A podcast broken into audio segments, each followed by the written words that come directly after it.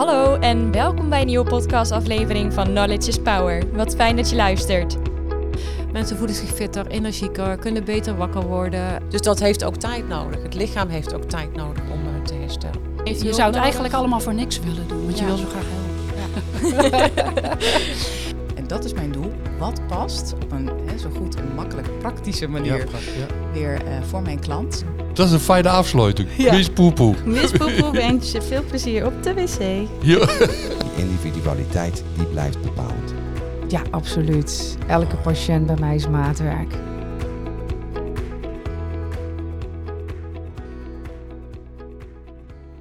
Hallo, vandaag weer een nieuwe podcast van RP Sanitas Humanus. Ik zit hier vandaag met een heel oude collega. En uh, oud niet uh, de leeftijd gezien, maar de ervaring en dat we al met elkaar samenwerken. Met Richard J. Smit uit het uh, Amsterdamse, of beter gezegd Hartje Amsterdam, met zijn praktijk. Waar hij al vele, vele jaren natuurgeneeskundige praktijk voert met heel veel succes. En um, waar hij heel veel speciale gevallen ziet ook in de praktijk. Richard is heel vakbekwaam in kruiden. Heeft hij vele, vele opleidingen gevolgd. Zelf in China, als ik dat goed zo'n beetje gevolgd heb. En uh, zeker in de coronatijd ook digitale opleiding gevolgd. Maar Richard, leuk dat je hier bent. Ja, goedemorgen. goedemorgen. Ja. Ah ja, voor ons is goedemorgen. Ja, ja, ja, ja, ja, ja, je had een goede reis gehad? Ja, zeker. Lange reis. Ja, lag het Zeeuwse. Maar uh, het ging vlot, gelukkig. Ja, dat zeggen alle mensen uit Amsterdamse. Naar Zeeland is zo ver rijden. Ja, is het ook. Nee. Het is het in de wereld. ja. maar hartstikke leuk is het hier. Jawel hoor, zeker. Ja, ja. Mooi land. Ja. hey, Richard. Vertel even, wat is zo uh, je drijfveer? Wat doe je in je praktijk dat onze luisteraars horen? Je bent natuurlijk echt een heel... Je hebt een heel brede opgezette praktijk door je ervaring ook. Klopt. Ja, ja. Vertel. Nou, ik ben uh, begonnen in 1996. Toen ben ik uh, Chinese kruiden gaan uh, studeren. Nee, eigenlijk eerder 93, sorry. In ja. 96 ben ik begonnen met mijn praktijk. Ja. Ik heb eerst, was ik Chinees herbalist, heb ik ja. de opleiding voor gedaan. En toen ben ik begonnen en snel daarna ben ik ook begonnen met, toen de tijd, toen was jij net begonnen met de oligotherapie. Ja, ja.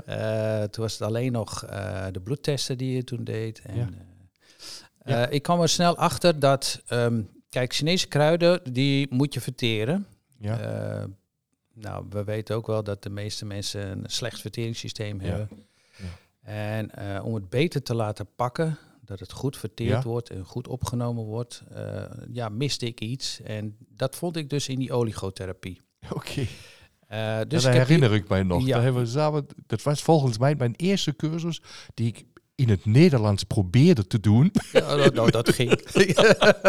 We spreken Op dus... een zolderkamertje ergens in, uh, in Den Haag. Ja, in Den Haag. Ja, inmiddels denk ik ja. dik 25 jaar geleden, toch? Zo? 97, weet ik 97. nog. Ja, 96, 97. Ja, kijk, hoe lang geleden. Zo Klopt, lang, dat was de, hoe heette die lange de langste straat van Europa, dacht ik. Van, uh, ja, ik weet niet meer hoe die heette, maar... Uh, ja, dat was, uh, weet ik. Oh, dat lange, had... lange naam, ja. Ja, ja, ja, dat, herinner Maar de, ja, toen was het alleen nog met, met de SKB-testen die ja. je toen deed. En voor mij ook nog wel de basisscreening darmtest. Ja, maar niet zo uitgebreid als toen. Toen had je alleen nog maar de residenten. De basics. En, ja, ja, ja. Echt, Wat toen in die voor 25 jaar bekend was. het is enorm uitgegroeid natuurlijk. ja. Dus uh, ik ben dat gaan studeren en behandel ook daarmee. Ik ben ja. eerst begonnen met de oligotherapie ja. bij uh, patiënten. Ja. En toen zag ik al dramatische verschillen, echt heel goed. En uh, daarna dus met de Chinese kruiden. En dan pakt het ook veel beter. Oh, en dat was voor mij echt een eye-opener. Dat, je miste net dat schakeltje, net die bouchies die je nodig had om de motor te starten. zo, ja, zo, je kan wel tanken, je kan wel instoppen, maar je moet ook kunnen verbranden. Ja, dus je zag dan echt die combinatie tussen twee verschillende therapierichtingen, dat die zich veel verbeteren of versterken in de therapie, waardoor je patiënten of cliënten beter, sneller gebaat zijn ja, met succes. Ja, ja. het gaat veel sneller. Ja. Dus je krijgt veel sneller resultaat. En daarnaast ben ik ook uh, bioresonantie gaan uh, studeren. Dus eh, ik heb dus de chemische weg gekozen, hè, dus als Hm. kruiden, maar ik ben ook de elektronische weg eh, gaan volgen. Eh bioresonantie heb ik dus daarnaast gedaan. En eh, daar kon ik ook heel goed de dingen mee behandelen, zoals allergieën, maar ook allerlei darmklachten en zo. Ja. Reumatische klachten, ja, wat niet. En dat ging ook allemaal, die, die combinatie ging hartstikke goed. Dus je had de testen, ja. je had de, de jouw kruidentherapie waar je voor Precies. hebt en de oligotherapie die je met elkaar eh, vermengde. ja. Goed. En in 2007 ben ik ook begonnen met eh, de MNLS-scans. Dat is een soort scan waarbij je met eh, licht het lichaam eh, snel kan eh, onderzoeken ook. Oké. Eh, want ja, Dat moet je even, dat vind ik nu spannend. Leg, leg uit. Hoe moet ik bij de nou voorstellen? dat gaat ook met een koptelefoon op. Ja, nu Alleen komt er geen geluid uit, maar er zitten ledjes in die sturen Weet je, we hebben het geluk dat dat niet live is en niet met een filmpje daarbij. Hè? We zien zeer Ja. charmant uit met die koptelefoon. Ja. Ja, weer terug. Hè? Dus, eh, Ja, dus dan, dan, dan stuur je zeg maar de informatie in van een orgaan of weefsel. ja, Eh, een bepaalde bandbreedte waar dat weefsel of orgaan op manifesteert. Eh dat stuur je in het lichaam. Ehm, verder pakt alleen dat orgaan of weefsel wat je wil scannen, dat pakt die informatie op. De rest van Ja. het lichaam niet, want die heeft een andere bandbreedte. ja, En die moet al die informatie opnemen. Oké. En als je dat niet doet, hij pakt een aantal wel op en een aantal niet, Ja. dan wordt het gereflecteerd in de machine en dan wordt er gezegd van oké, als ik deze stukjes bandbreedte terugkrijg, wat hij eigenlijk had moeten opnemen, Ja, dan zou er dit of dat aan de hand kunnen zijn. En dan krijg je een uitslag en dan wordt de meest hoogstwaarschijnlijke wordt aangegeven dan. mhm. En dan moet je dus verder gaan onderzoeken ook. Maar op deze manier kan je nog sneller, dieper in het weefsel inscannen om te zien waar de problemen liggen. En dat is ook wat ik ook doe met al die testen, eh, zoals bioresonantie, als de MLS, als de labtest en ook tong- en polsdiagnose. ja, ja, Eh, dan kom je vanzelf wel op een snijpunt waar ze allemaal zeggen, ja, daar is wat mee aan de hand. ja. Ja, dus je kan niet van één kant kijken. Daarom heb ik ook veel dingen die ik tegelijk doe om eh, ja, op het snijpunt te komen. Om te kijken van sneller Ja. op een punt te komen van waar zit er nou eigenlijk de grootste problemen. diagnose te kunnen stellen. Ja, Waar- en je moet ook, eh, het gaat er vooral om, het zijn natuurlijk allemaal hulpmiddelen, maar je moet wel kunnen lezen. Je moet goed kunnen kijken van wat klopt en wat klopt niet. Oké. Want daar zit de truc in. Eh, Zo'n machine kan van alles aangeven, maar klopt het beeld, wat je ziet, met wat de patiënt zegt? Weet je, En dat is eh, interessant, want eh, heel vaak gaan dingen fout daarin. En Ja. dan zeggen mensen van, ja, dit of zus of zo. En Ja. dan eh, achteraf zie je gewoon dat het niet kan kloppen. En Ja. dan is er wat anders aan de hand. Die wel dezelfde symptomen geven ja, als een ziekte, maar niet de ziekte zelf is. Nee, En dus ook een andere oorzaak is Ja, gemanifesteerd. in het precies, precies. Dat is, ik vind het zo goed dat je dat zo duidelijk uitspreekt. Dat hoop ik wel. maar ja, daar zie je Ja. gewoon ook die veel ervaring die je ziet. Dus bij veel ervaring hoort Ja. ook vaak veel vallen. En Uiteraard, weer opstaan. uit- uit- uiteraard, Ja. uiteraard. Eh, dit soort dingen leer je niet eh, in, de, in, de, in de klas. Hè. Dat, Nee. eh, je patiënten vertellen eigenlijk de waarheid. Je moet luisteren naar je patiënten. Ja. Dat is heel belangrijk. Ja. Eh, natuurlijk, je labtesten zijn belangrijk, maar ook daarin kunnen soms eh hiaten zitten die niet kloppen, die niet overheen komen. Ja. Of bijvoorbeeld onderdrukt worden door medicatie, waar je eigenlijk verwacht bijvoorbeeld met ontstekingen bijvoorbeeld. Klopt. Maar ja, als mensen dan medicatie daarvoor nemen, ja, dan zie je ze Zie- zie je ze niet. Maar als je dan goed kijkt naar de rode bloedcellen die je dan ziet, Ja. en de verklevingen, dan weet je, er zijn wel ontstekingen, want er is een verhoogde stollingsfactor. Ja. Alleen, het laat het niet zien. Ik laat het niet met de standaardwaarden, zo'n CRP ja, of high grade. CRP Dus zien. je moet veel meer verder kijken. Ja. En eh, vergelijken met de klachten. En dan eh, kom je tot een beter beeld. ja, niet, niet alles klopt. Hè. Het is, Nee, je moet het kritisch achtervragen. En juist als je een ehm, patiënt voor je hebt met al zijn mankementen, die die in vertrouwen bij je neerzet en zegt, nou, misschien vind jij nu de missing link waarom het bij mij al zoveel jaren niet goed gaat. Dan heb jij nu een prachtige aanpak gevonden. Je, je pakt de, je zei het, de chemische kant, je pakt de, de diagnostische kant, ja. ja. en de de, elektronische kant, ja. ja. maar er was nog iets wat ontbrak. ja. De mechanische kant. Oh, vertel. Nou, daarnaast doe ik ook nog eh, de cupping, strijkkuppen en bounchettieren. Ken je dat? Ja, dat- Oh, gelukkig. Kijk, weet je, Veel de- mensen kennen die- het niet. Nee, maar ik- volgens mij, eh, als Duitse word je daarmee een beetje... Ja, dat is zo. Ja, het is eh, Nee, zeker. Is, dat hoort daar in, in de heilpraktica praktijken. Die is natuurlijk, die hoort dat bijna thuis. Dus dat, eh, ja, maar hier in Nederland is het vrij onbekend. jammer genoeg wel, hè? Ja, ik vind het een geweldige methode. Maar dan leg even uit, dan kunnen jullie luisteren ho- horen wat dat is. Nou, bounchettieren, dat is, is ontstaan in Duitsland eh, door de heer Baunscheit. Ja, Eh, Dom. Kar- Karl uit, eh, nou, ik denk 1885 in die buurt. En, eh, nou ja, zoals het verhaal natuurlijk ging, hè, het last van jicht. Ja. En hij werd op een zomeravond, toen hij in de slootkant zat, zat, werd hij gestoken door een mug op die plek waar hij jicht had. Ja. En zo worden ontdekkingen gedaan, hè, toevallig. Ja, toevallig. Ja, Zijn, eh, zijn jicht verdween. ja precies. Dus, eh, en ik geloof dat hij een instrumentmaker was. Hij heeft toen zelf een eh, instrument gemaakt, dat heette dan de Lebenswekker. Mhm. Een soort schietapparaat met eh 33 naalden erin.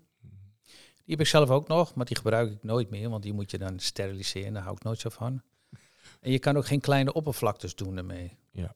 Nee, want die naalden moet je dan instellen. Nou, het zijn best lange naalden, dus...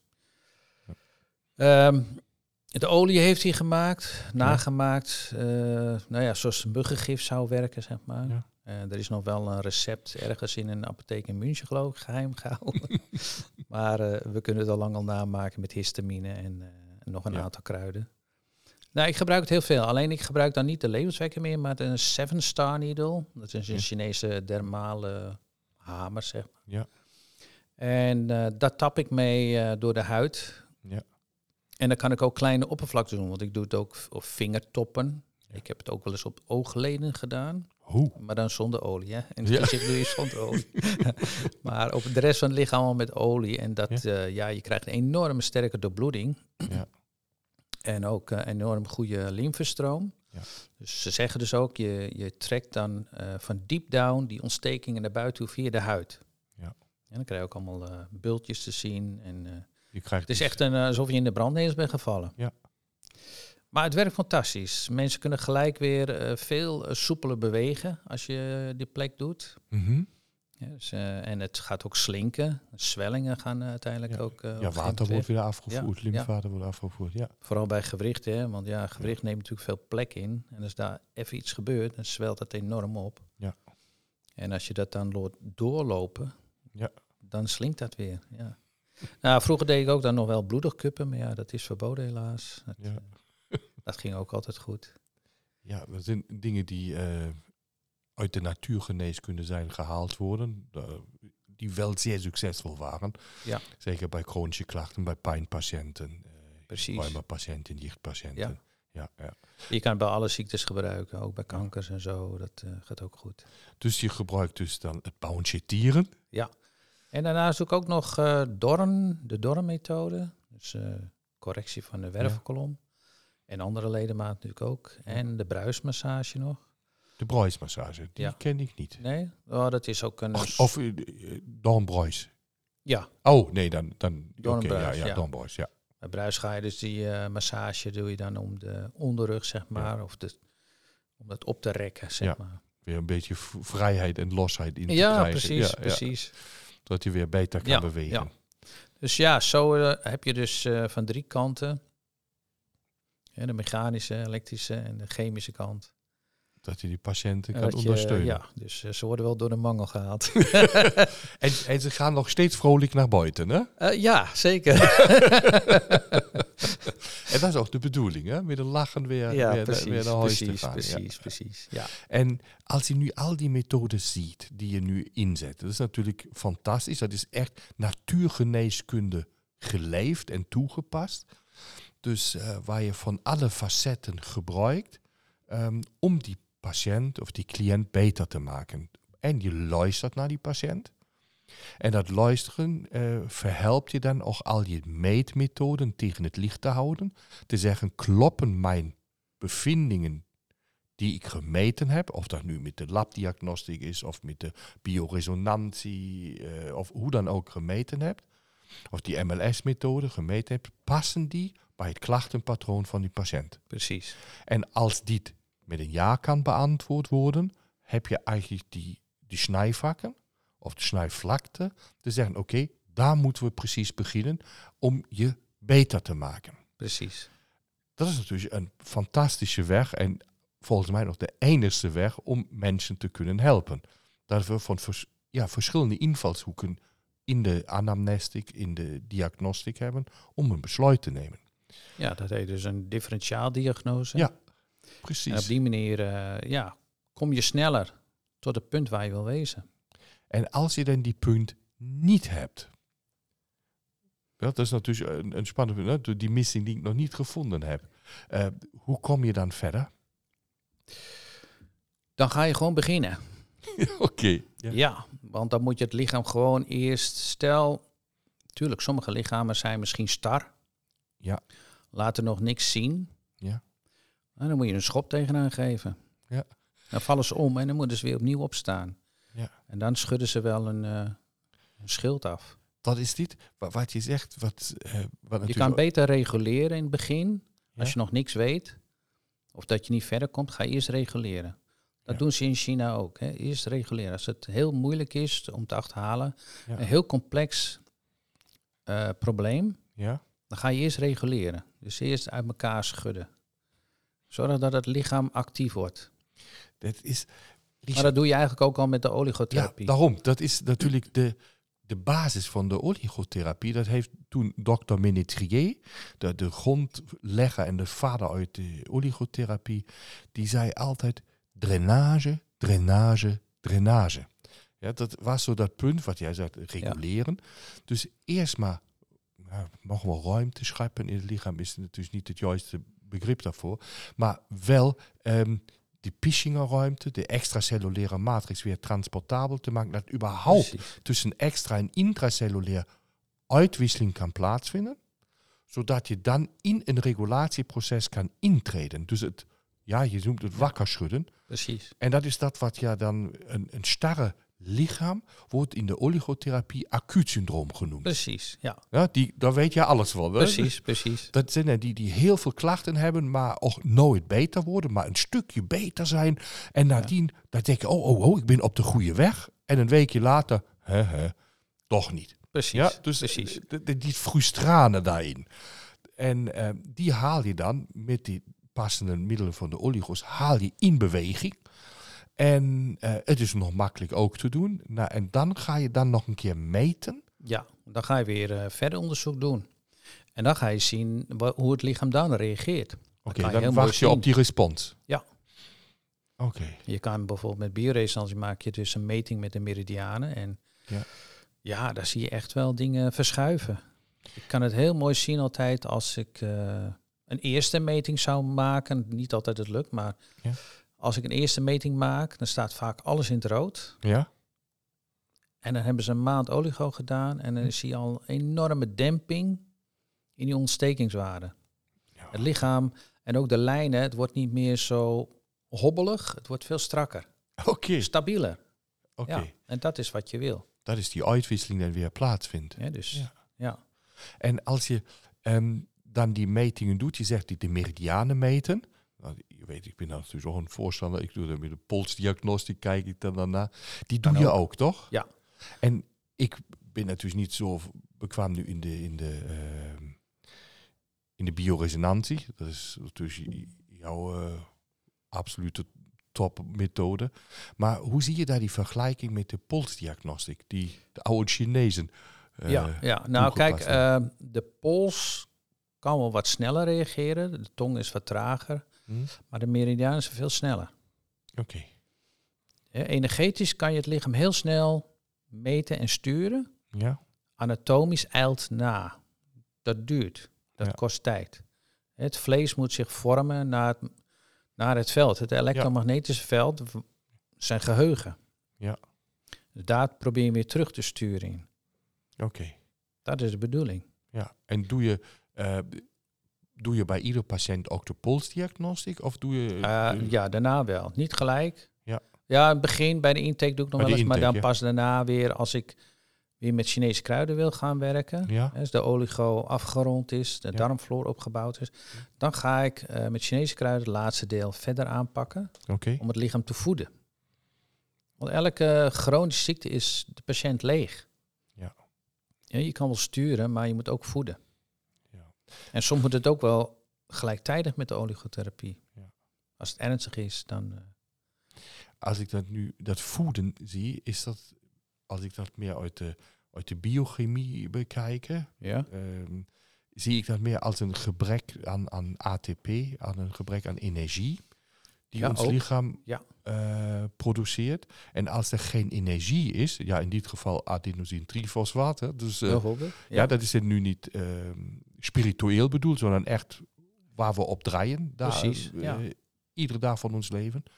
Als er geen energie is, kan ook geen regulatie plaatsvinden. Precies. En sowieso geen genezing plaatsvinden. Nee. Dus en als het voeden, leg ik dat in, nou maar in, in, in een evenwicht. Ja, voeden is ook energie verhogen. Niet alleen. Ja, wat? Voeden is ook de stuf toevoegen om genoeg bloed aan te maken. Ja, Lichaamsvloeistoffen ja, hè, voor weefselopbouw. ja. En daarnaast de energie en lichaamswarmte. En de circulatie te verhogen. kan dat vergelijken worden met eh jetzt uit de, ja, uit de miltenergie, de maag-miltenergie? Ja, dat is het centrum van je lichaam. Ja, hè, het. Ja. Eh, dat moet goed lopen. De vertering moet goed lopen. Want je maakt dagelijks bloed en energie aan. En als je maag en mildsysteem en darm en lever horen eigenlijk ook daarbij, pancreas. Ja. Ja, dat hoort eigenlijk allemaal bij die mildse warmen. Ja. Of tenminste, dat is mee verbonden. Als dat niet goed loopt, dan loopt eigenlijk niks meer goed. Ja. Om een voorbeeld te geven, als voedsel in je maag blijft zitten, Ja, blijft hangen, dan krijg je ook bloedstagnatie. Niet alleen in de maag, maar door het hele lichaam. ja, Het loopt niet meer. Want alle bloed wordt ook gemobiliseerd naar je maag, want je maag wil het leeg hebben. Ja. Maar als het blijft hangen, dan krijg je allerlei problemen. ja. Richard, ik ben heel, wat blij dat we dat gesprek mogen voeren. Omdat is natuurlijk een, een punt die gaat af en toe in de, in, in de pure orthomoleculaire geneeskunde gaat die een beetje ten onder. Daar wordt wel de vertering vooraan gezet, dat moet gedaan worden. Eh, maar eh, daar wordt het niet in die complete breedte gezien. Dus eh, ik vind de maag mild een heel belangrijk item, juist omdat mild is een sanguïn orgaan. Dat is het bloed, dat warme orgaan, alles vloeibaar houden, alles eh, in, in beweging kunnen houden. Ja. En als hier een starre optreedt, ehm, krijgen, ontstaan gezondheidsstoringen. En juist uit die diatheseleer noemen we dat dan de dystonische diathese. Precies. Die beschrijft, ja, als we dat heel flapsig, eh, heel, zi- ja, een beetje makkelijk willen uitdrukken, de oude lullendiathese. dus eh, ja, er ontstaat zwakte. ja, dat In ontstaat zwakte. bindweefsel, spieren. Dat is Daar is een mild voor, ja, en die, onder andere. En dat is dat wat in, in die dystonische diathese zwak wordt. En dan zie je daar, je hebt daar echte symptomen op die daarop wijzen. En als je dan, in dit geval is een kruid, wat de Angelica, eh, wat daar goed op werkt. Je hebt denk ik de Chinese of nog andere kruiden die daarop goed werken. Ja, zeker. Je hebt er vele die daar op werken Ja. om eh, te tonifiëren, zoals dat Ja, heet. Hè, precies. voeden. Ja. Dus eh, ja, de, de, de mild houdt alles tegen de zwaartekracht in. Ja.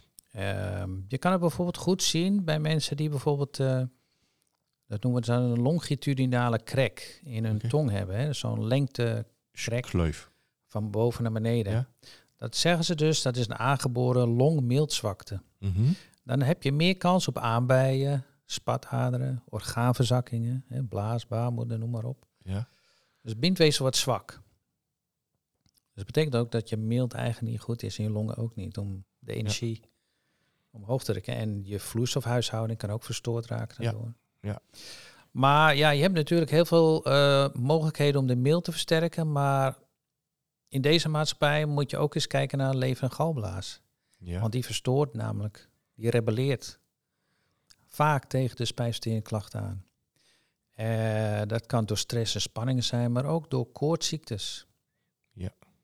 ja. Dus je moet kijken van waar begin ik eerst? Wat is het meest acuut in dit geval om de boel te restaureren? Dus eigenlijk zo het uienschaalprincipe, eerst maar wat buiten is, Ja. wat nodig is op te ruimen en dan dieper door. Precies. werken. Kijk, de lever is een heel belangrijk orgaan ook. Hè? Die kan dus je energie vastzetten. Dat is wat hij doet. Als hij gestrest is, zet hij je energie vast. Dan is er wel energie, maar het stroomt niet. Ja. Het vloeit niet. Het is wel je klok. Hij bepaalt wanneer, hoe en wat. Hoe de energie gaat stromen. Ja. En als er stress is, zet je alle, blokkeer je alles. Dat merk je ook in je maag, een knoop, je duodenum. Ja, Een van je bewustzijnsorganen in het Chinees. ja, ja. Dus, eh, ja. Dan heb je ook eh, struggles met je hersenen, hè? Uiteraard. Ja. Uiteraard. Dat is die waar we dan denken, nou, slechte darm, slechte hersenen. Of andersom. Dat, eh, Ja, precies. Ja. Ja. Kijk, ik zeg ook, de dikke darm, slijmvlies bijvoorbeeld, gaat over alle slijmvliezen. Ja. Reguleert. En, dus, en ook het brein. Ja. En als Dit je- is je brein, hè? eigenlijk je buik. ja, daarom. Nadenken, is- zoals zegt, is je tweede brein. Ja, daarom is er ook, het is tegenwoordig ook als je in de wetenschap kijkt, hè, dit is natuurlijk of de westerse eh, geneeskunde en de wetenschap die daar alles prima onderzocht wordt, daar wordt je ook steeds meer het brein, het, het, het darmhersenen, wordt je ook steeds meer naar voren gehaald. eh, en daarover kennis vergaat, dan te zeggen, nou, we moeten hiermee aan de haal om die mens ook mentaal en eh, gezond Ja, te krijgen. precies. En dat hangt natuurlijk één op één samen. En het is ook fijn dat het in de westerse geneeskunde nu ook eh belandt Het begint is. te dagen, Ja, het ja, begint. ja. Dat is toch fantastisch. Ja. En ehm, daar is ook nog heel veel eh, baat te halen voor patiënten. Zeker. Kijk, als je bij mensen de voeding verandert, Ja. Dan verandert alle minuut ook je darmflora, Ja. dus de situatie. Ja. En dus ook eh, je hersenen veranderen, je, Ja. je gedrag. Ja.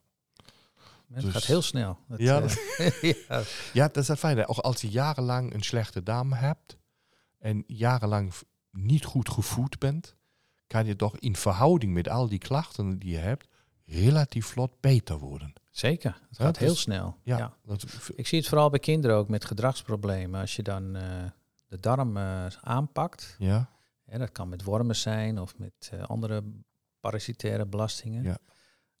Bij kinderen gaat het heel snel en dan zie je ook gelijk dat ze heel anders worden. Dat zie je ook met de oligotherapie. Dat gaat ook heel snel. Als je de ontsteking weghaalt uit het lichaam, dan worden ze rustiger, houden ze meer energie over. ze kunnen beter het, eh, leren. ja. Het is weer aangenamer. Ja, zeker. Ja, ja, ja. Hey, je, we- kletsen hier zo lekker. en eh, als je dat alles zo vertelt, wat zie je dan de meeste klachten die jou, nou dat is natuurlijk moeilijk, of de top drie klachten die je in je, in je praktijk ziet? Ja, dat is een beetje moeilijk te zeggen. Kijk, je hebt natuurlijk eh, seizoensgebonden klachten, zoals Mhm. griep en verkoudheid. En dan heb je natuurlijk nog de chronische kracht, klachten. Ja, En eh, ja, de meest chronische klachten zijn natuurlijk allemaal vanuit de, de, de stresssituatie, zeg maar. De- vooral de psychische stress, Mhm. wat uiteindelijk ook eh, lichamelijke stress gaat uitlokken. Ja. En de meeste klachten die daar weer uit voorkomen, dat zijn allergieën natuurlijk, eczemen, darmklachten, ook reumatische klachten. dat is dat wat je Dat ook vaak in de behandelkamer ziet. Ja, ja. Dus als de, ruim, de chronische klachten, laten we daar maar bij staan blijven. Die zijn natuurlijk in de natuurgeneeskunde, dat, waar mensen vaak hulp vragen ook. Ja, Dat ze jarenlang al met precies. toenemende klachten te kampen hebben. Ehm, wat zie je daar? Dus reuma en eh, allergieën, eh, heb ik nu begrepen. En zijn er nog andere dingen die je ziet? Ja, uiteraard eh, zie je ja, heel veel klachten, ook op het gebied van hart- en vaatziektes. Mhm. Ehm, kankers natuurlijk, allerlei vormen van kankers. Dus Dat zijn wel de meest eh, voorkomende klachten allemaal. Die- maar het die- meeste is natuurlijk alles wat te maken heeft met, eh, ja, ook migraines. Alles, eh, het, het, het leidt meestal allemaal toe naar eh, de stresssituaties. Want wat doet stress? Het verstoort je hele metabolisme en kan Ja. dus op heel veel gebieden kan het dus verstoring geven. Het is maar net waar je zwakke plek is. Dus, en die stress zie je die dan meer alleen in de mentale kant? Of zie je die stress ook van, eh, uit de toxische kant? Ehm, ik denk dat de toxische kant wordt uitgelokt door de geestelijke kant. Eerst krijg je het geestelijke gedeelte. Want je lichaam is dan veel gevoeliger om dingen binnen te laten, of Mhm. om te verwerken. Oké. Dus eh, je denkt dat, eh, je gaat ene- ervan uit ja. dat de toxines die we uit de milieuomgeving hebben, die we, ja, voeding, kunnen we zo breed pakken als we willen, dat eh, die beter je lijf kunnen binnendringen en schade aanrichten, als er voordien mentale stressoren zijn geweest. ja. Oké. Stress is altijd nummer één voor het, eh, het vernietigen van je darmflora. Van je, Ja, waanzin. Dat is, eh, kijk, je hebt natuurlijk daarnaast heb je roken, drinken, medicijnen. Die dan weer een gevolg zijn. Hè? Ja, eh, chemoradiotherapie, maar nummer één is nog altijd stress. Ja. En als je darmflora het laat afweten, Ja. ja, dan ben je gevoelig voor eh, invasie. En invasie lokt uiteindelijk allemaal auto-immuunziektes uit. Ja, omdat je continue activering van je immuunsysteem hebt. Tuurlijk. En wat dan op een gegeven moment niet meer kan inreguleren. Je buitenwereld laat je binnen. Ja. En als die doorgelaten wordt, wat Ja, eigenlijk niet Dan gaat die moet. stijgeren. Eh, precies, krijg je zelfontstekingen en irritaties. Ja, dan krijg je heel veel interleukinveranderingen, eh, de TH1, TH2-shift die dan niet meer juist loopt. Precies, ja. Ehm, als we die stresskant nog maar eh, verder belichten, die is, dat zien we in die SKB-test redelijk vaak, dat die in verhouding ook met andere waarden, dat die relatief hoog scoort. Ja, je doet natuurlijk ook eh, ja, in jaar uit die SKB-test, dus, eh, dus eh, dat zie je redelijk vaak ook voorkomen. Ja. dat, en dan weer terugkomt nog wat je nee, zegt, de, de, de, je had de lever-long had je aangesproken. Je had de of levergal en de long had je mee aangesproken. Dat zijn natuurlijk punt, of met die, met, met die streep in de tong. Ik probeer nog maar die link te leggen. Mhm. Ehm, en dan zie je heel vaak dat ook adrenaline slecht afga verwerkt kan worden. Dus Ja. dat die mensen continu onder het verhoogde adrenaline te lijden hebben. En daardoor ben je continu in een stresssituatie, waardoor het lichaam in het vechtmodus is, blijft, gewild of niet gewild. En als je in die stressmodus bent, wat kan je dan niet verteren? Ja, dus als we hoog, ja. dat kan natuurlijk niet. Ehm, omdat zo zijn we niet aangelegd. Heb je stress, kan je niet verteren. Ehm, dan gaat je verteringssappen worden slechter, je darmflora, je darmbiota gaat veranderen. En dan kom je weer in deze, en je krijgt meer van, van de buitenwereld naar binnen. Maar hoe ga je daar met patiënten dan om? Als je ziet, die zijn, nou, ik noem maar, ja, ik wil ze niet adrenaline-junkies. die, die versterkt adrenaline gedreven zijn, ja? Eh, uit welke reden? Also, hoe pak je dat aan met hun? Nou, je moet, kijk, mensen vertellen je alles in, zo'n pra- in, de, in de praktijk. Ja. Dus ik vraag Gelukkig. ook altijd na, ja, precies. Ik ga ook altijd naar wat, wat, wat, waar die stress dan vandaan komt. Mhm. Ja, dus dat is belangrijk. Je bent niet alleen op lichamelijk gebied bezig, maar ook vaak op psychisch gebied. Mhm. Probeer je mensen eh, te begeleiden om te Mhm. kijken van hoe zou je die geestelijke stress weg kunnen halen. Oké. Moet je van baan veranderen? Moet je van partner veranderen? ja, het zijn Neem er allemaal dingen. Ja. Ja. En Ja. heel vaak prik je daar dan wel doorheen en dan, ja, dan raak je de gevoelige snaar wel. Of ze Ja. vertellen het zelf wel. Ja. En dan weet je ook van, nou, daar moet je aan werken. Daar moet je zelf aan werken. En dan kan je voorbeelden geven, Mhm. hoe ik het zou doen dan. Ja. En heel vaak eh, ja, gaat het dan wel beter. Maar de oligotherapie maakt ze gelukkig ook rustiger. Hè. Die adrenale stress wordt dan eh, ook lager. Ja. Want ja, die adrenale stress maakt ook de doorlaatbaarheid van je darm wordt ook veel groter. Definitief. Hè. Dat Dus, eh, Kan bijna niet anders. dus, en je kan natuurlijk ook zien een orgaangebrek. Ook vaak een hoog verbruik Ja. cortisol. Dan gaat je bijnier Ja. wordt in zwakker.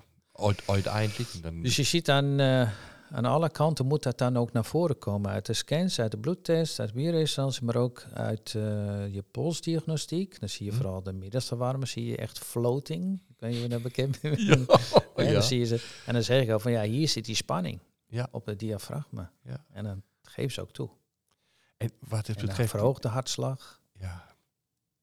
Die zegt de drievoudige verwarmer, of je zegt de middelste verwarmer. Hè? Dat is, ik denk, ik benut nog steeds de Duitse term drievoudige verwarmer.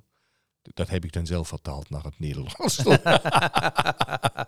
dat is dan weer zo mijn niet altijd juiste vertaling die ik gebruik. Maar die spanning in het middenrif is zo, uh, zo belangrijk eruit te halen. Dan zitten ze hoog in de ademing, die mensen. dat kennen we van onszelf ook. Als iets als je in de stress komt, kom je hoog in die ademing zitten. In dit moment uh, gaat je hele lijf in een blokkade schieten. Nou, dat is precies wat de lever doet. Ja. Hij brengt alles in een, in een verkrampte situatie. Ja. En uh, ja, die factor die kan uh, alle kanten op staan. Hè. Als die lever geïrriteerd is, de ene krijgt migraine of een herseninfarct, kan ook nog, hè, met te veel stress, gaat de bloeddruk ook nog omhoog. Ja. Wat ja. bovendruk.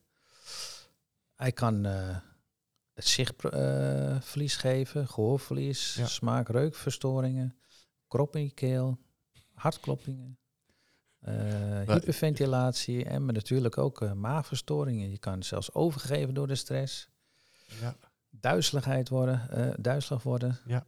Dat je waar komt dat vandaan? Bittere smaak in je mond. Hè? En ja. ook, ja, droogte in je mond, dorst. Ja.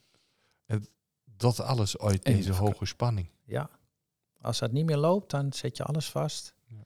Je hele metabolisme. Daar kunnen we wel therapeutisch natuurlijk goed ondersteunen. Ja, Eén keer door het gesprek wat je voert. Maar dat andere, acupunctuur kan daarbij goed ondersteunen. Ja. Uh, we kunnen daar, je hebt de oligos kunnen we inzetten. Uh, en wat het middenrif betreft, ik, ik, probeer die mensen altijd op de behandelbank te leggen. Nou, dat moeten ze dan ook doen. En dan ga ik dat helpen te ontspannen door, ja, dat is in de podcast niet voor te doen.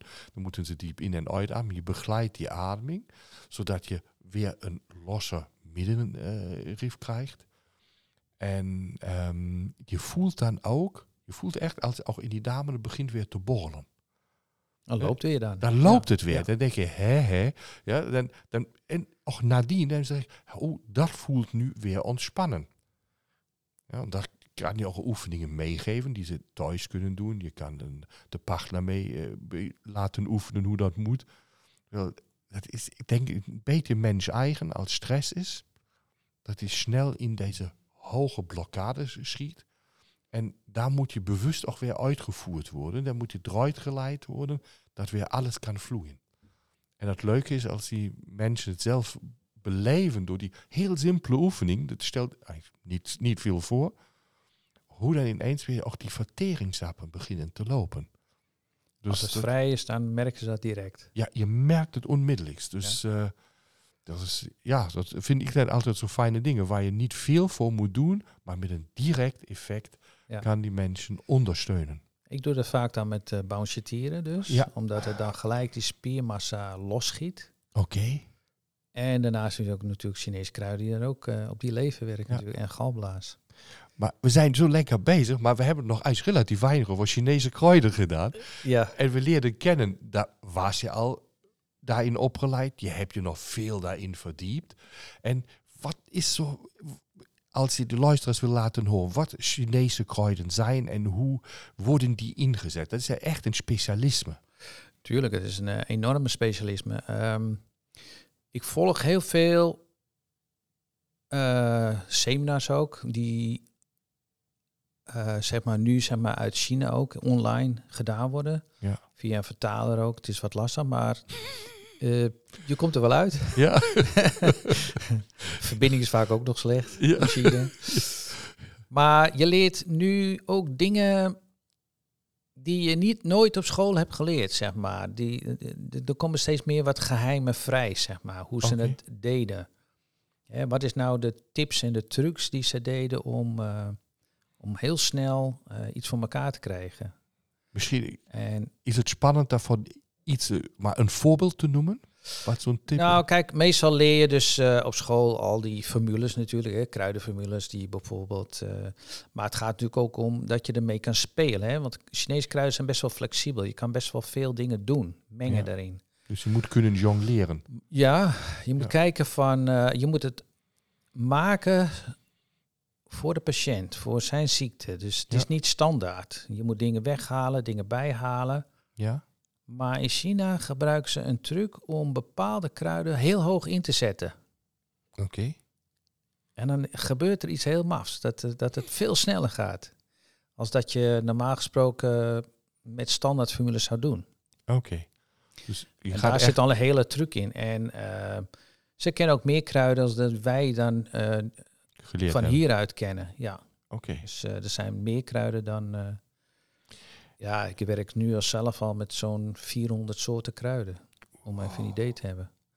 Maar er zijn er nog meer. En die tips krijg ik weer van andere leveranciers ook. Ja. Die in contact staan met de Chinese eh, leveranciers. Ja, ja. En die geven je ook allerlei trucs of alternatieven. Of, eh, Ja. ja. Maar het is ontzettend mooi als je... Dus het Je is kan, jongleren. Dus eigenlijk speel je dan een partituur. Ja, maar je moet heel goed... ehm, je moet het invoelen. Het is... ehm, Mhm. je kijkt naar de, naar de klachten die zo'n patiënt heeft. En natuurlijk de tong- en polsdiagnose. Ja. Maar je moet ook ehm, ja, de durf hebben om meer te kunnen doen dan alleen dat. Weet je wat? Maar daar komt me een, een heel simpele... eh, komt me iets in het hoofd. Het heet... Ja, of vroeger wordt het ja geneeskunst genoemd. En kunst heeft wat met creativiteit te doen. maar Mhm. vooral ook met kunnen. En je, om iets te kunnen moet je veel leren. Dus je moet die kennis hebben. En als je kunst van wil maken, moet je die creativiteit hebben en durven dingen te veranderen. Precies. Ja, dat is je wat moet ervaring doet. opdoen, Ja, maar je moet durven. ja, je moet durven. En dat Iets is, wat eerst geleerd is, is absurd. Heb ik via anderen weer geleerd. Nee hoor, dat is heel normaal. We doen het zelfs nog veel hoger dan jullie ooit geleerd hebben. En dat werkt. ja. Ja, ja, maar dat is de, die durf die daarachter die durf, zit. die moet je hebben. Ja. ja. Dat is, maar daarvoor moet je ook zelfverzekerd zijn. Ja, je moet weten wat je Ja, doet. tuurlijk. Dat is weer dat Tuurlijk. dat weten, het kunnen, dus de echte kennis die de basis vormt. En, eh, ja, en de kunst is het juist toe te passen. Precies. En dat is ervaring Ja. en durf. En dan heb je ook nog het verschil tussen... Kijk, Chinezen zijn heel rigoureus met heel veel dingen. Hè. Dat zie je ook met acupunctuur. Ja, Eh, bij Chinees kan je heel veel dingen doen.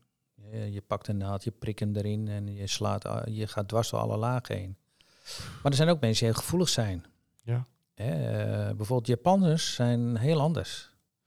Die gebruiken ook dezelfde kruiden, ook, ook acupunctuur, maar die gaan lang niet zo diep. oké. Hè, Ja. dus, en ook met de kruidenformules zitten bepaalde kruidenformules die zijn veel lichter. Mhm.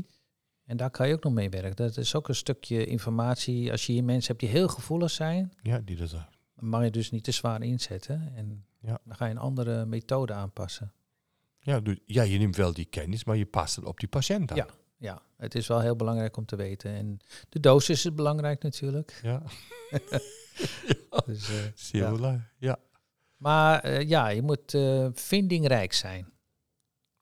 Je moet echt vindingrijk zijn. Ja. Dus eh, er, staan meer, er zijn meer kruiden dan in de boeken staan. Die ook geweldig werken, maar die je gewoon toe kan passen. En dat geeft geweldig goed veel, ja, veel succes daarmee. ja, maar dat is ja dat. Kijk, je bent ja niet voor niets al zo lang in het vak bezig. eh, met al je ervaring. En je blijft leren. Altijd. Je Je blijft bent, je bent nooit uitgeleerd, want Nee. het is toch zoveel. Wat, eh, en, en dingen ontwikkelen ook. Even vertel over het ontwikkelen. Ziektes ontwikkelen. Ach, de ziektes ontwikkelen. Ja, Ja, ja, ja, natuurlijk, ja. Dat, dat is waar. ja. eh, Als je alleen maar kijkt naar infectieziektes, Mhm. die worden... Ik weet nog heel goed, toen ik eh, in 2004 begon ik voor het eerst in Amsterdam. En ik begon met mijn metingen en in de wintermaanden zag ik elke keer weer dat eh, vooral eh, de influenza, dus, Mhm. hè, dus die werd steeds ernstiger, steeds langduriger. Mhm. Dus, Ja. En eh, ik sprak ook mensen die dus op de longafdelingen werkten in Amsterdam, in het Ja. ziekenhuis. Elke winter was het steeds erger met die long, longpatiënten. En toen de tijd werden ook al mensen naar het buitenland gestuurd, Ja. omdat te weinig plekken. Nederland is nooit voorbereid op eh, dingen. Zo werkt dat. Kost allemaal geld. Ik weet niet waar je het over hebt. Nee. Dus het is al, eh, al, al, al veel ouder. Maar in de loop der jaren zag ik ook dat het ook steeds ernstiger werd. Oké. En toen had ik al het idee van, nou, er moet een keer een klap gaan komen. Ja, die hadden we gehad, ja. En dat had ik ook tegen mensen verteld. En het gebeurde. Ja. Ja, het is afwachten wanneer natuurlijk, dat weet je nooit van tevoren. Maar je ziet het wel opbouwen. Ja. Ziektes komen, ziektes gaan. En ik denk dat eens in 20 jaar weer zo'n klap gaat krijgen. Elke ziekte heeft zijn eigen verloop. Ja. Maar je hebt ook ziektes die zijn meer, eh, die horen bij bepaalde generaties. Mhm. Je hebt niet altijd eh, bij iedereen, eh, je hebt vaak zo'n, ja, moet het zeggen, ik wil niet zeggen hype, maar je ziet ineens een bepaalde periode dat een bepaalde ziekte heel erg veel voorkomt. Ja. Bij een bepaalde leeftijdsgroep. En heb je daar een voorbeeld? Eh, ja, ik heb bijvoorbeeld met ALS bijvoorbeeld, zie je dat ook. Hè? Er is een bepaalde Ja. tijd geweest dat veel mensen hadden ALS en nu hoor ik daar niet zoveel meer van. Oké. En eh, ook zoiets, hè, eh, bekkenbodeminstabiliteit Ja. bij zwangeren. Dat is Ja. ook zoiets. Daar kwam een tijd heel veel voor, Nu hoor je het minder. maar nu hoor je het helemaal niet. Het, is, het is, lijkt wel alsof het helemaal over is. Het is een pa- bepaalde periode geweest en zo zie je wel meer van dat soort dingen. Die dan meer in de focus treden. Ja, ja. Ja. En of daar nou ook meer onderzoek naar gedaan wordt in een bepaalde periode, dat kan. Dat het ineens iedereen heel veel van dat soort klachten hebben. Ja, wordt dan waargenomen. Of syndromen, ja. ja, ja. Dus dat zie ik ook wel. Ja, dat, dat, dat zie je inderdaad wel. Dat eh, ineens eh, ziektebeelden meer besproken worden. Ja, of dat Dus- het bij een bepaalde groep hoort, een bepaalde tijdsperiode. Daarna niet meer. Dat zou kunnen. Dat, dat zou definitief kunnen. Ik denk altijd wat in eh, onze generatie, wat er voor- sterk voor klachten voorkomen en in die jongere generaties, wat daar nu voor klachten zijn, eh, inderdaad, het verandert zich. Dus eh, ik zeg maar, in onze generatie was nog niet zozeer het burn-out en fibromyalgie Nee, bekend. bijvoorbeeld. Dat was Huh? helemaal niet bekend. Misschien was het er wel een beetje, maar lang niet zoveel. Nee, en nu wordt veel meer besproken Ja. en geopend. Welke reden ook, dat moeten we ook open laten. De, eh, och, ik vind niet dat we over een, oordeel moeten vellen, maar dat Oh, is nee. inderdaad zo. Maar het is alleen wat opvallend ja, is. en En- allergieën die ook een vogelvlucht nemen. Ja, allergieën blijven wel een beetje bestaan. Welke? dat is die generatie gebonden. Dat, eh, ik zie Nee, die nog- blijven bestaan, ja. Ja, ja. Maar ik, ik heb die indruk dat veel meer, veel meer mensen onder allergieën te lijden hebben. Oh in, de, in, de, in de loop van de jaren, dat zich dat ontwikkelt. Ik weet niet, ik denk bijna eh, iedere tweede heeft ergens met een eh, allergische problematiek te doen. Nou, dan zegt, oh, ik heb even een hooikoortje, wordt het dan benoemd. hè. Dat is dan, ja, maar dat is een allergie. Of een hooistofmijtje probleem. hè. Ja, Precies. dat, dat, dat, eh, daar wordt mee geleefd, maar we moeten waarnemen, het zijn allergieën. En, Nou, op ieder mens allergieën. Dat zie je altijd, ook in Ja. die bloedtesten, wat, wat ik ook meet. Er is altijd wel allergieën, maar mensen eh, ervaren dat niet zo als allergieën. Ja. Maar als ze ouder worden, ja, dan wordt ook de darmflora slechter. ja, Wordt het weer meer doorgelaten en dan krijg je ineens spontaan bijvoorbeeld hooikoorts. ja Of, eh, dat dan ineens die Of klachten allergieën voor dierenharen en dat soort Ja. dingen. Ja. Ja. Ik, nog maar even terug nog maar naar de Chinese kruiden. We, Ja, ja, we- ja. we dwalen Eh, die Chinese kruiden, die zijn, die, je speelt daarop, net als een, ja, ik blijf bij dat beeld, een partituur die je dan speelt. Nu uit, uit 400 kruiden, dat is natuurlijk al waanzinnig veel, die besteedt nog veel meer. En het wordt steeds meer och, naar buiten getransporteerd hoe ze eh, in kunnen gezet worden. En dan ga je hin en dan maak je of laat je maken voor die mensen dus die, het mengsel wat bij hun past. ja, ik bestel het. Ja. Ja, en dat haal je dan uit je diagnostiek. Dus al die dingen die je ingangs gesproken hebt. Je hebt de bioresonans, de labdiagnostiek. Je hebt die eh, lichtfrequenties die je stuurt. Ehm, je hebt die, eh, dit, het, ja, het bewegelijke, het eh, mechanische. En daaruit neem je dan je informatie. Eh nou, tongdiagnostiek doe je en polsdiagnostiek. Daar heb je dan alles bij elkaar. En daaruit maak je dan het kruidenmengsel. ja, maar meer vanuit de tong- en polsdiagnose, want dat is natuurlijk typisch Chinees. Ja? Eh, de tel, laat je meetellen om te kijken, maar vooral ook het verhaal van de patiënt zelf. Hoe de klacht is, hoe die dat ervaart, Mhm. waar het zit, hoe intens. En dan ga je daarmee in de slag. Oké. En hoe snel moet je zulke kruidenrecepturen weer aanpassen? Eh, nou, normaal gesproken eh, zou je het om de twee weken moeten aanpassen. Want klachten veranderen daardoor. Hè? Als, je, Dat bedoel ik. Dat is de vraag daar. als, je weer, als je iets in gaat zetten, verander je dus eh, het hele metabolisme weer. Ja. En eh, dingen kunnen verbeteren. Mhm. En dan moet je weer gaan aanpassen. Misschien kun je dingen weglaten, misschien je lagere doses inzetten. En ga je verder op. eh, Dus dat is, of er komen andere dingen naar boven, dat kan ook nog. ja, dat is dat, dat verdekte dingen zich Ja. weer uiten. Wij zeggen, hé, dat is een verergering, maar eigenlijk een positieve. Dat ken ik van de oligotherapie. Ja, je begint waar wij te starren. Ineens zeggen ze, ja, ik krijg klachten, maar die heb ik twintig jaar geleden gehad. Die had ik meer. En dan weet je, hey, we zijn op de goede weg. precies. Maar het vereist een aanpassing in het begeleiden van je patiënt. Ja. Dus het is niet... het is nooit het, hetzelfde. het is het is- nooit hetzelfde. Kijk, je gaat dezelfde weg weer terug. Waar het ooit mee begonnen is, Ja. zo knikken je het er ook weer uit. Ja, dat, de uienschaal, hè? Dus die Ja, precies. Wordt weggepild, ja, ja, komt dezelfde weg terug. oud zeer komt naar Oud zeer komt er boven. Dus ja, heb ik 20 jaar ook gehad. Nou, geweldig. Ja, geweldig. Dan zeg je, waarom? ja. ja, dat snappen ze niet. Ja, dan zeg je, je wordt weer jong. ja, ja, precies. Je gaat weer terug. Je gaat weer terug. Ja, Ja. misschien willen ze dat niet. Maar, maar, maar uiteindelijk is het dat. Dus het is dynamisch. Het is begeleidend. Het is niet een, een maandenlang hetzelfde doen. Nee, nee, nooit, nooit. Ja. Nee, dat kan niet. Het, eh, het lichaam verandert constant. Ja. Dus je moet het altijd aanpassen. Ge- Je ja. bent altijd onderhevig aan eh, invloeden van buitenaf. Ja. En je mentale toestand en wat je eet. Dus het blijft dynamisch. Hè? Altijd. Dit Einstein heeft een keer gezegd, niet dat ik Einstein persoonlijk kende, hè? zo oud ben ik niet. Nee. Jij ook niet. nee.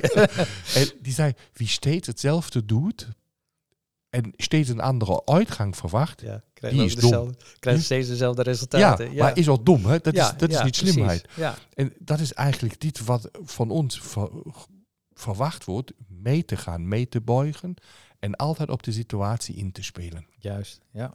En dat is eigenlijk dit om mensen ja, helpen te verbeteren. Daar, daar gaat het om. Nou, ja, puur. Het Alleen dat lijden is, te verlichten. En, Ja. eh, maar je moet Dat is de eh, buiten de box denken, niet eh, standaard. Ja. Ja. Durf hebben. En ja, zo ontdekkingen worden altijd per ongeluk gedaan. ik vind dat bij deze een prachtige afsluiting die je net formuleerd hebt. De durf hebben, mensen willen begeleiden. Wat zei je nog? Je zei nog iets net. Dat was ook zo. eh, de durf, willen Eh, veranderen, aanpassen. Ja, dan ben ik het kwijt. Nou, Ja. luister eens, dat wat Richard als laatst gezegd heeft, dat was fantastisch. Nou, dat ontdekkingen worden altijd per ongeluk gedaan. Ja. Dat was Ja, het, ja. Ja, precies. Dus per niks- ongeluk niks de juiste vast, weg in. vast. Ja, precies. Ja, niks staat vast. En gewoon dingen proberen veranderen. Maar wat jou zo duidelijk uitspreekt, is zoeken.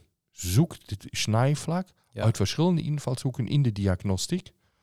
Hoe die dan ook is. En vertrouw niet alleen op één pad in de diagnostiek.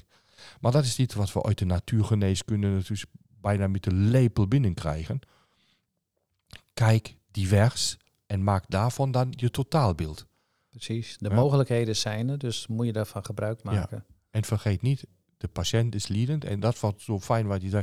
De patiënt vertelt je de waarheid. Ja, Dus hij heeft ja de klachten. hij geeft de klachten. Ja. Hij, hij voelt zijn lichaam. En daar hij of je zij. ja. Dus, ja. Als buitenstaander, dat zijn we ook als behandelaar, voelen we niet zijn lichaam. Nee. En dan moeten we af en toe zeggen, gelukkig ook. Maar we willen Ja, wel dat ja. het beter gaat. En daarvoor moeten we breed kijken. Precies. Richard, hey, hartstikke bedankt voor dit heel fijne gesprek. En dat je de weg naar van Amsterdam hier in het leuke Zeeuwse Goes gepakt hebt. Ik blijf nog even hangen. Ja, dat, ga lekker van Goes genieten. Gaan we doen. Ja, en ehm, ja, nog verder veel succes. Dankjewel. En eh, ik hoop dat we daar nog maar een vervolg aan kunnen geven. ja, wie weet. Ja, dankjewel Oké, Richard. dankjewel. Dag. Jo, hoi. Eh, hoi.